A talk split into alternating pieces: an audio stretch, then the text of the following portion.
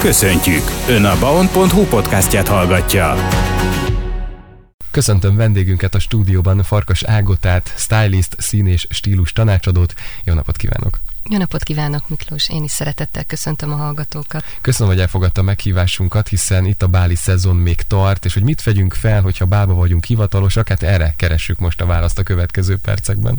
Én azért először tisztáznám azt egy picit, hogy minden bál társasági esemény, de nem minden társasági esemény bál. Ugyanis az a tapasztalatom, hogy rengeteg meghívóra kerül rá a bál kifejezés, azonban az esemény nem feltétlenül üti meg a bál szigorú követelményeit.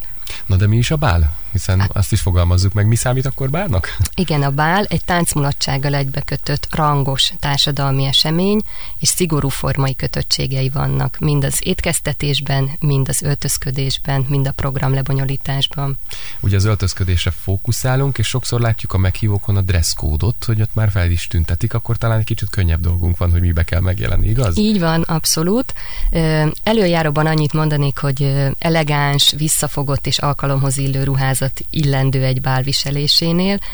A dresszkódokat tekintve pedig mondjuk a legerősebb vagy legformálisabb a white tie megnevezésű, tehát a fehér nyakendős öltözködési előírás, ami a férfiak esetében mindenkor frakkot jelent, a villásfarkú zakóval, ehhez egy frak inget, egy nagyon magasan záródó úgynevezett apagyilkos inget ír elő a, az előírás, nadrágot természetesen, fehér mellényt, fehér csokornyakkendőt, fekete sejemzoknit és lakcipőt. Az urak esetleg még manzsettával egészíthetik ki ezt az öltözéket. A hölgyek esetében pedig mindenkor nagy estéi viselése a kötelező, és egy könyökött takaró kesztyű. Ez a vájtáj megnevezéshez a legszigorúbb előírás. És azt gondolom van a ellentetje a fekete? Igen, így van, a black tie, ami a fekete nyakkendő tulajdonképpen. Ott az urak esetében a smoking az elvárt viselet, ehhez is uh, smoking ingvaló, csokornyakkendő, mellényt vehetünk hozzá, vagy spanyol övet, a kettőt együtt sohasem viseljük, és természetesen itt is lakcipő az elvárás, vagy egy borjúbőrből készült elegáns alkalmi cipő. Itt már az urak például harmonizálhatnak a partnerük viseletével, mert a csokornyakendő, illetve a spanyolöv vagy mellény viselésénél lehet a partner ruhájának színeit visszahozni. A nagy estéi pedig a hölgyeknél szintén elvárt viselet, de itt már nem kötelező a kesztyű használata. Lehet esetleg kis estéi is ez a ruha, vagy ha megengedőbb a báli meghívónk, akkor koktélruhát viselhetnek a hölgyek. Zenélünk, aztán folytatjuk a beszélgetést. Farkaságot a vendégünk, stylist, szín és stílus tanácsadó. Farkas Ágot, a stylist, szín és stílus tanácsadó a vendégünk, és a báli szezon kapcsán hívtuk be, hogy beszéljünk az öltözködésről, és hogyha bálba hívnak bennünket, bálba vagyunk hivatalosak, mit is vegyünk fel. Ugye említettük a zene előtt, hogy sokszor a báli meghívón feltüntetik a dresszkódot, de mi a helyzet, hogyha nincs dresszkód? Hát ez egy kicsit nehezebb eset, de nyilván a hölgyeknek minden esetben azt szoktam javasolni az egyéni konzultációkon, meg rendezvényeken is, hogy kövessék a színtípusuk és az alkattípusuknak megfelelő öltözéket. Tehát ez nyilván a színekben, illetve a fazonokban jelenik majd meg. Az uraknál azért minden esetben a smoking az alapelvárás, vagy egy minőségi alkalomhoz illő öltöny ugye a fekete szín az mindig a bálhoz köthető, de hát mit, mit viseljünk fekete helyet, vagy miben gondolkodhatunk? Igen, a fekete a köztudatban úgy él, mint egy nagyon elegáns, nagyon ünnepélyes szín, azonban azt kell, hogy mondjam, hogy a hölgyek esetében ez sajnos éveket tud ránk pakolni egy idő után, úgyhogy keressünk egy más alternatívát a hölgyek esetében. A fekete helyet viselhetünk sötétkéket, burgundit, padlizsállilát, vagy egy nagyon szép olajzöldet, illetve idén biztosan meg fog jelenni a báli szezonban is, ahogy mindenhol máshol az üzletekben is, a Peach Fuzz nevezetű évszíne, amit ugye a Panton Intézet minden évben kijelöl.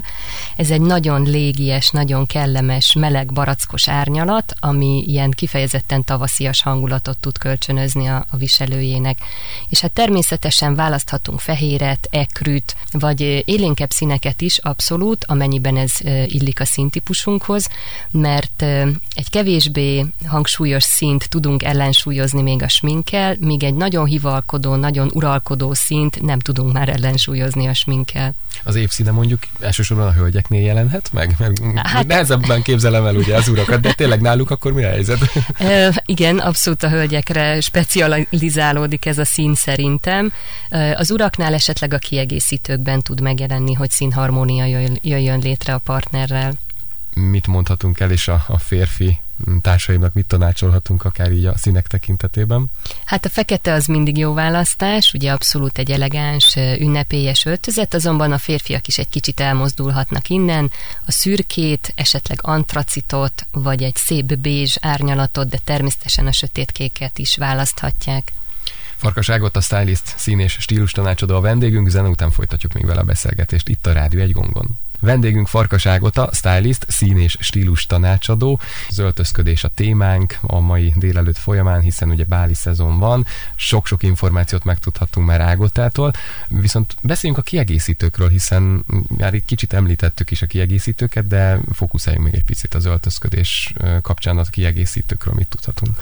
A hölgyek esetében a báli megjelenést nyilván a smink, a frizura is emelni tudja, és hát természetesen a kiegészítők. Itt élhetnék azzal a dalszöveggel, hogy a nő legjobb barátja a gyémánt, tehát ha ékszerekről beszélünk, egy gyémán nyakékkel biztos nem fogunk mellé, de természetesen a nemesfémeket választhatjuk, az aranyt, az ezüstöt, vagy amik klasszikus örök eleganciát kölcsönöz, az a gyöngy, ezek az ékszerek. Ugye cipő témakörben mindig magas sarkú cipőt viselünk harisnyával, vagy esetleg szandált, hogyha olyan időszakban kerül megrendezésre a bál. A táska az mindig alkalmi táska, ez egy boríték, úgynevezett klács borítéktáska.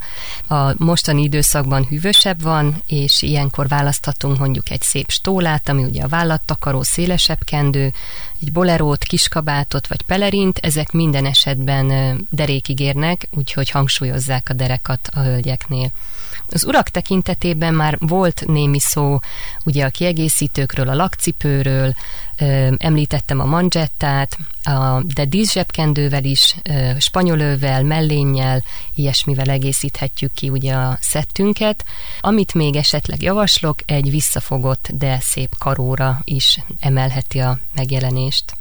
Beszélhetünk báli trendekről egyébként? Természetesen mindenféle trendről beszélhetünk, így nyilván a báli öltözködésnek is van trendje. Idén a metálos, fémes csillogás viszi a prímet, ami megjelenhet nyilván az anyagok minőségében, illetve a rávart flitterek színében is, tehát csillogóak lesznek a hölgyek a bálon valószínűleg. Ami most egy érdekesség, hogy a nagy estéit esetleg kiválthatjuk egy kezes lábassal, vagy úgynevezett overállal, de természetesen természetesen igyekezzünk arra odafigyelni, hogy ez alkalomhoz illő legyen, és mondjuk csillogó vagy flitteres. Elsősorban a bálak, hát ebben az időszakban ugye zártérben vannak, de előfordulhat, hogy mondjuk, hogy szabadtéren, hát főleg nyáron mondjuk egy annabál. Így van, igen, tehát az annabál ugye szabad és e, zártérben is e, zajlódik, tehát ott nyilván a, a kültéri melegségre is fel kell készülnünk.